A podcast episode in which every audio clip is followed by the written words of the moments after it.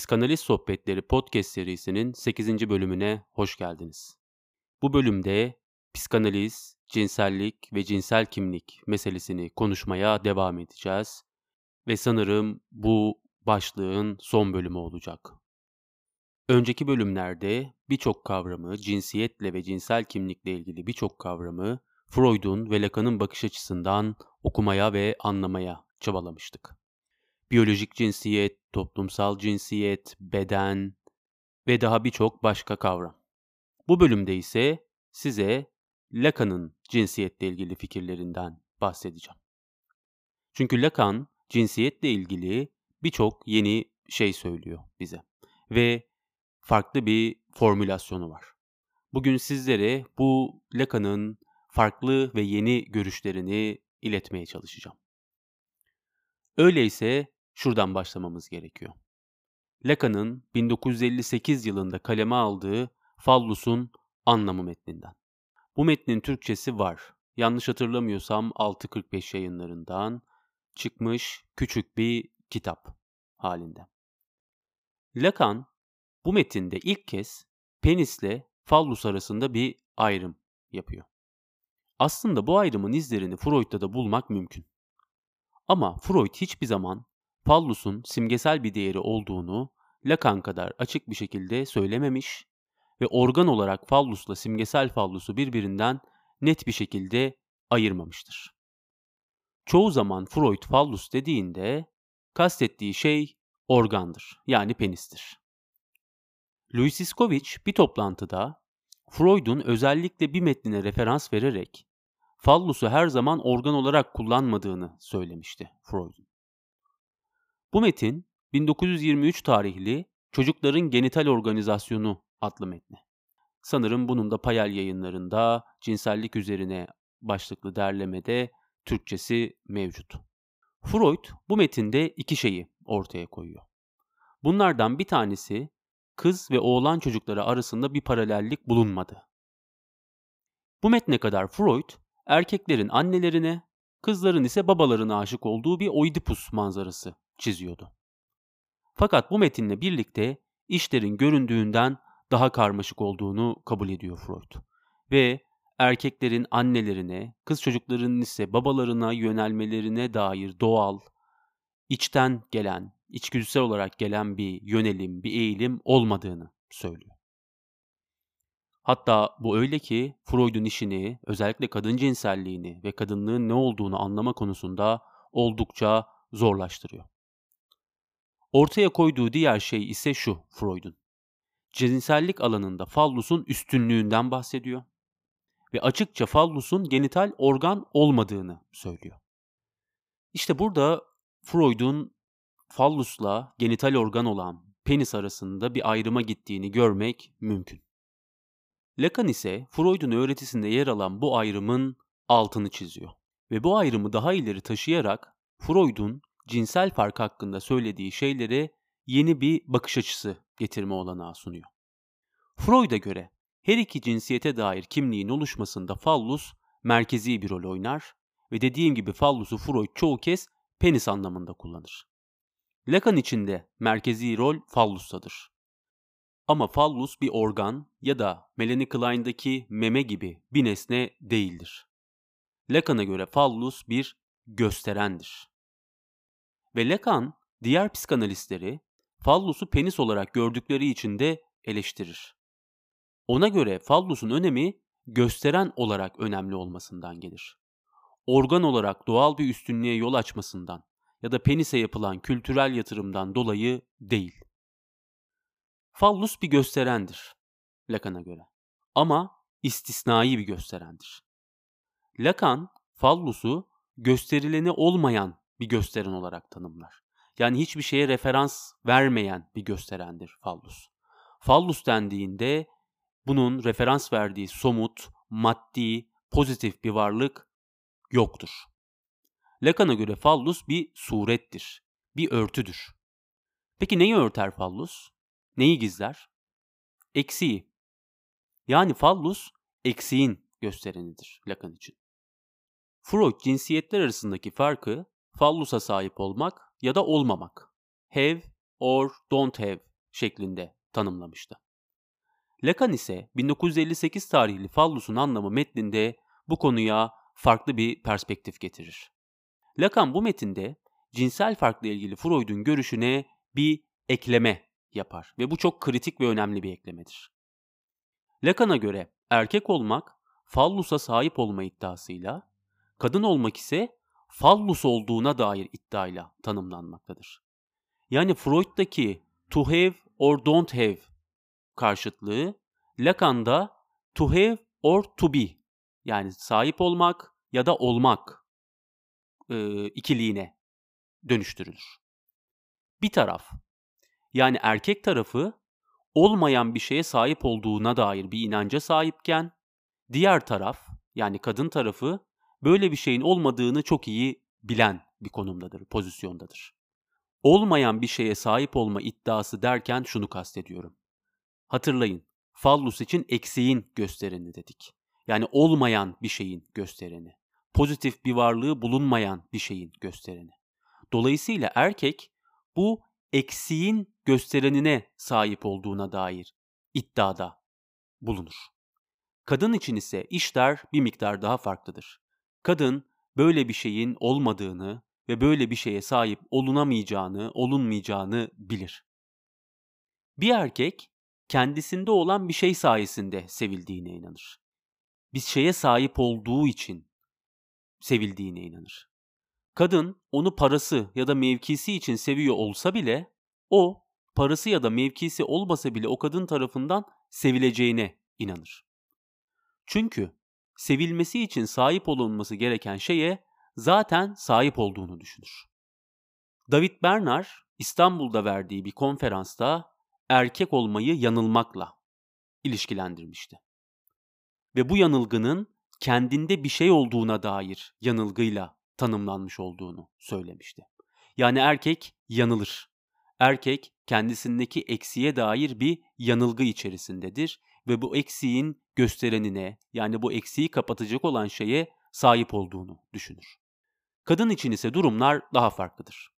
Kadın bu maskeli baloda, bu kadınlarla erkekler arasında geçen bu maskeli baloda ona atfedilen tüm özellikleri reddeder ve aslında olmadığı şey için sevilmeyi ve arzulanmayı ister. Çünkü maskenin ardında Lacan'ın kadın yoktur formülüyle öne sürdüğü bir boşluk vardır ve kadın bu boşluğun bir düzeyde farkındadır. Erkek simgesel değeri haricinde kendisinde daha derinde olan bir şey olduğuna ve o derin şey için sevildiğine inanır. Kadın ise söz konusu olan şeyin sadece bir maske, bir suret, bir örtü olduğunu çok iyi bilir. Hatta Louis Iskovic bunun için bazı kadınların bedenlerini fetişleştirdiğini söyler. Çünkü bir şeyi saklamanın en kolay yolu tıpkı Poe'nun, Edgar Allan Poe'nun çalınmış mektubunda olduğu gibi, çalınmış mektup hikayesinde olduğu gibi onu göstermektir, onu sergilemektir, onu ortaya koymaktır. Kadın bedenini bir fetişe çevirir ve bu suretin ardında ne olduğuna dair soruyu def eder. Çünkü bilir ki bu maskenin ardında hiçbir şey yoktur. Eğer bu maskenin suretin ardında bir şey olduğuna inanırsanız, ona ya sahip olduğunuzu sanırsınız ya da ona sahip olmaya dair sonsuz bir çabaya girişirsiniz. Eğer maskenin ardında hiçbir şey olmadığını biliyorsanız, önemli olanın maskenin kendisi olduğunu bilirsiniz ve ardında hiçbir şey olan bu maskenin, suretin sahibi olmaktansa onu arzulayanlar için, yani erkekler için, ona sahip olmak isteyenler için o maske, o suret olmayı seçebilirsiniz. İşte Lacan'ın kadınlar için koyutladığı fallus olmak konumu bununla ilgilidir. Kadın bu eksiğe sahip olunamayacağını bilir. Dolayısıyla kendisini bu eksik her neyse o olarak konumlandırır. Fallus olmak derken Lacan'ın kastı budur. Lacan, kadınlığın bu maskeden başka bir şey olmadığını söyleyen Joan Rivier'e katılır. 1972 tarihine geldiğimizde ise Lacan 20. semineri olan Ankor seminerini vermeye başlar. Bu seminer Türkçe'ye yine hala adıyla çevrildi. Türkçe'de Metis yayınlarından yayınlandı. Bu seminer Jouissance, aşk ve cinsiyet üzerinedir. Lacan, biyolojik ve toplumsal cinsiyet kavramlarından farklı bir kavram ortaya koyar bu seminerde. Bu kavram şu. Sexual choice diyebiliriz İngilizcesine, Türkçesine cinsel tercih ya da cinsiyet seçimi diyebiliriz. Choice of sex de deniyor. Cinsiyet seçimi. Cinsel tercih derken neyi kastettiğimi size biraz açayım. Bir öznenin cinsiyet konumunun anatomiyle ve toplumsal süreçlerle kısmen ilgili olduğunu ama meselenin tamamını sadece bu iki araçla açıklamanın mümkün olmadığını söylemiştim. Özne, kadın olmak ya da erkek olmaya dair garantisizlikle karşılaştığında bu eksiği örtecek ve jouissansını düzenleyecek bir fanteziye, bir düşleme ihtiyaç duyar. Lacan'a göre kadınlık ve erkeklik konumları, az önce de size bahsettiğim üzere öznenin fallusla olan ilişkisine ve öznenin jouissans alma yoluna bağlıdır. Lacan, Ankor seminerinde cinsiyet konumlarını yani kadınlığı ve erkekliği tanımlamak için bir tablo çizer. Açıklamalara bir link bırakacağım ve o linke tıkladığınızda bu tabloyu görebileceksiniz. Buradan sonrasını daha iyi takip edebilmek için bu tabloyu açmanızda fayda var. Tablonun sol kısmı erkek, sağ kısmı ise kadın konumunu tanımlar. Ve ben size anlatmaya sol kısımdan başlayacağım.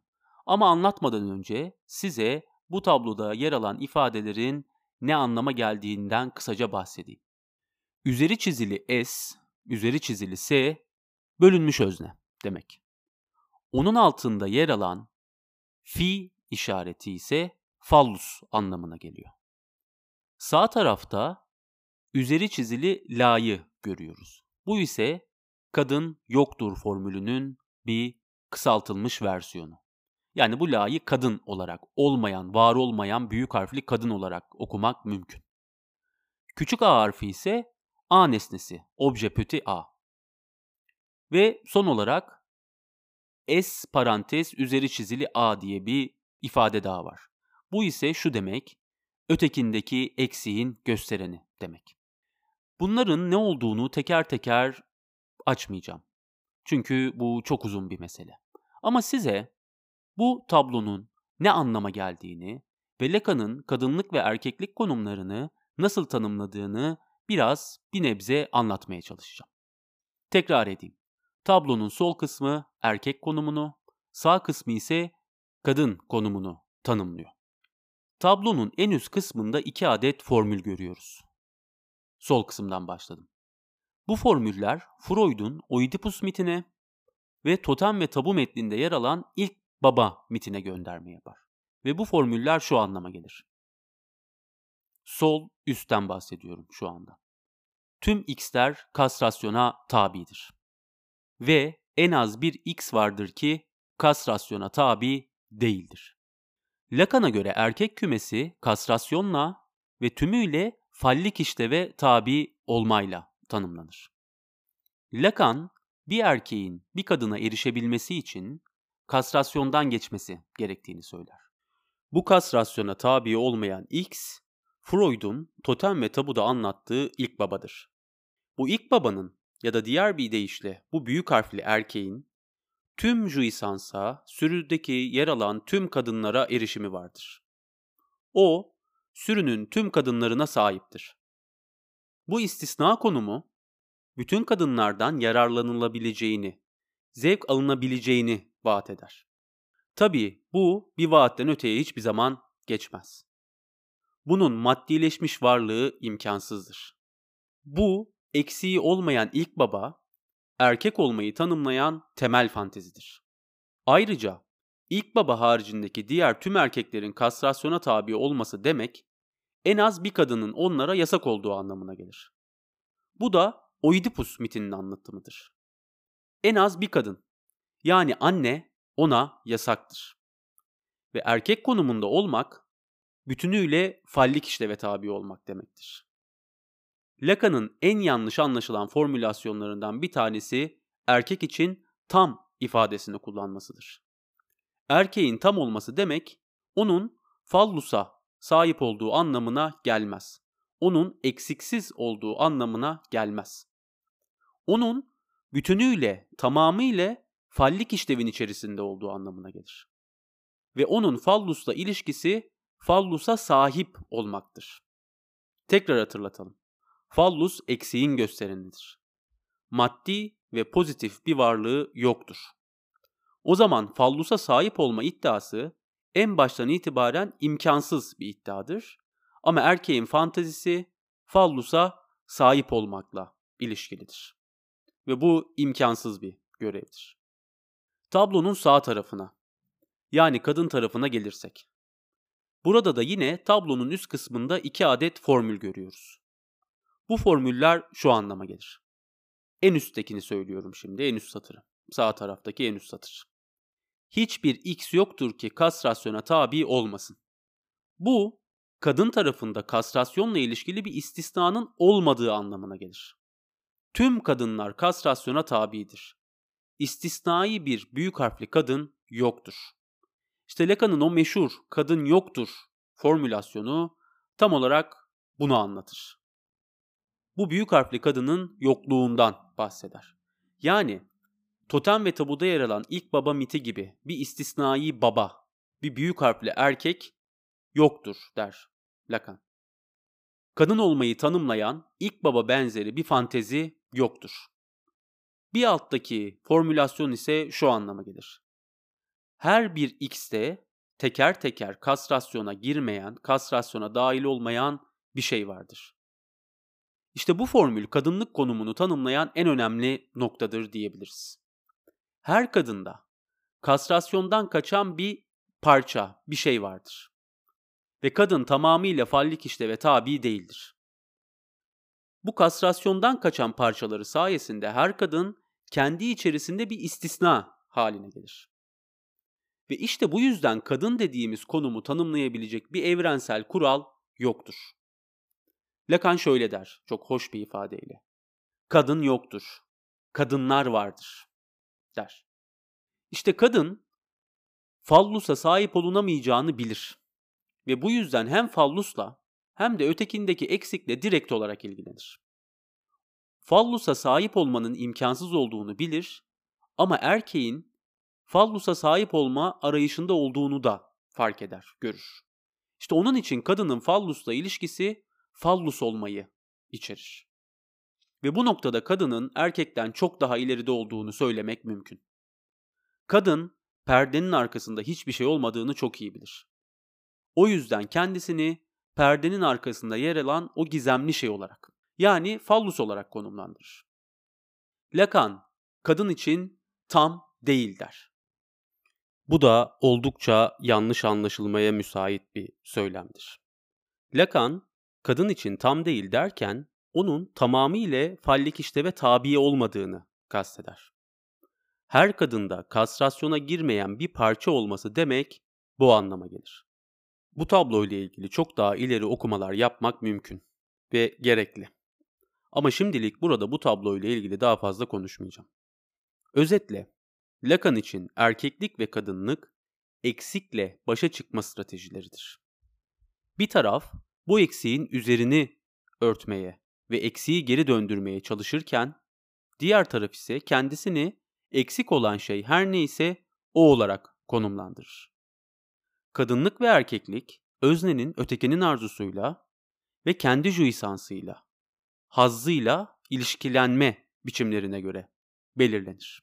Dolayısıyla burada biyolojik cinsiyet ve toplumsal cinsiyetten daha farklı bir okuma görmek mümkün. Bir de cinsel nesne seçimi meselesi var. Yani cinsel yönelim. Bir öznenin cinsel partner olarak kendi cinsiyetindeki ya da öteki cinsiyetteki bir partneri seçmesinden bahsediyorum. Ya da birden fazla partneri seçmesinden. Bakın Freud bu konuda şöyle bir şey söylüyor. Cinsellik üzerine isimli metninde. Psikanalizin bakış açısından erkeklerin salt kadınlara yönelik cinsel ilgisi de nihayetinde kimyasal bir çekime dayalı aşikar bir olgu değil, aydınlatılması gereken bir sorundur. Yani Freud heteroseksüelliğin de homoseksüelliğin de bir semptom olduğunu ve aydınlatılması gereken sorunlar olduğunu ileri sürer. Ona göre esas soru bir kişinin neden homoseksüel olduğu değil, neden heteroseksüel olduğudur. Bu 1905 yılından baktığımızda çok ileri bir görüş. Freud meselenin özünü ta o zamandan anlamış. Burada doğallığa indirgeyebileceğimiz, üreme işlevine indirgeyebileceğimiz şeyden çok daha fazlası varı Freud anlamış. O zaman cinsel nesne ya da cinsel partner seçiminden bahsederken belli bir tür normallik ya da anormallikten bahsetmiyoruz demektir. İster biyolojik cinsiyeti, ister toplumsal cinsiyeti, isterse de psikanalizin tanımladığı şekliyle cinsiyet konumlarını baz alalım. Cinsel partnerin cinsiyetine dair yapılan tercih bir normalliğe ya da olgunluğa atıfta bulunmaz. Lacan, insan sevdiğinde cinsiyetin bir önemi yoktur der Ankor seminerinde. Cinsiyetlenme tablosunun sağ tarafına kaydolmuş olmak, partnerinizi illaki sol tarafından seçeceğiniz anlamına gelmez. Ya da tam tersi. Özne, cinsel partnerini de, cinsiyet konumunu da bilinç dışı süreçler sonucunda seçer. Buradaki seçim tabii ki özgür iradeyle yapılan, rasyonel, bilinç düzeyinde yapılan bir seçim değildir. Ama yine de bir seçimdir.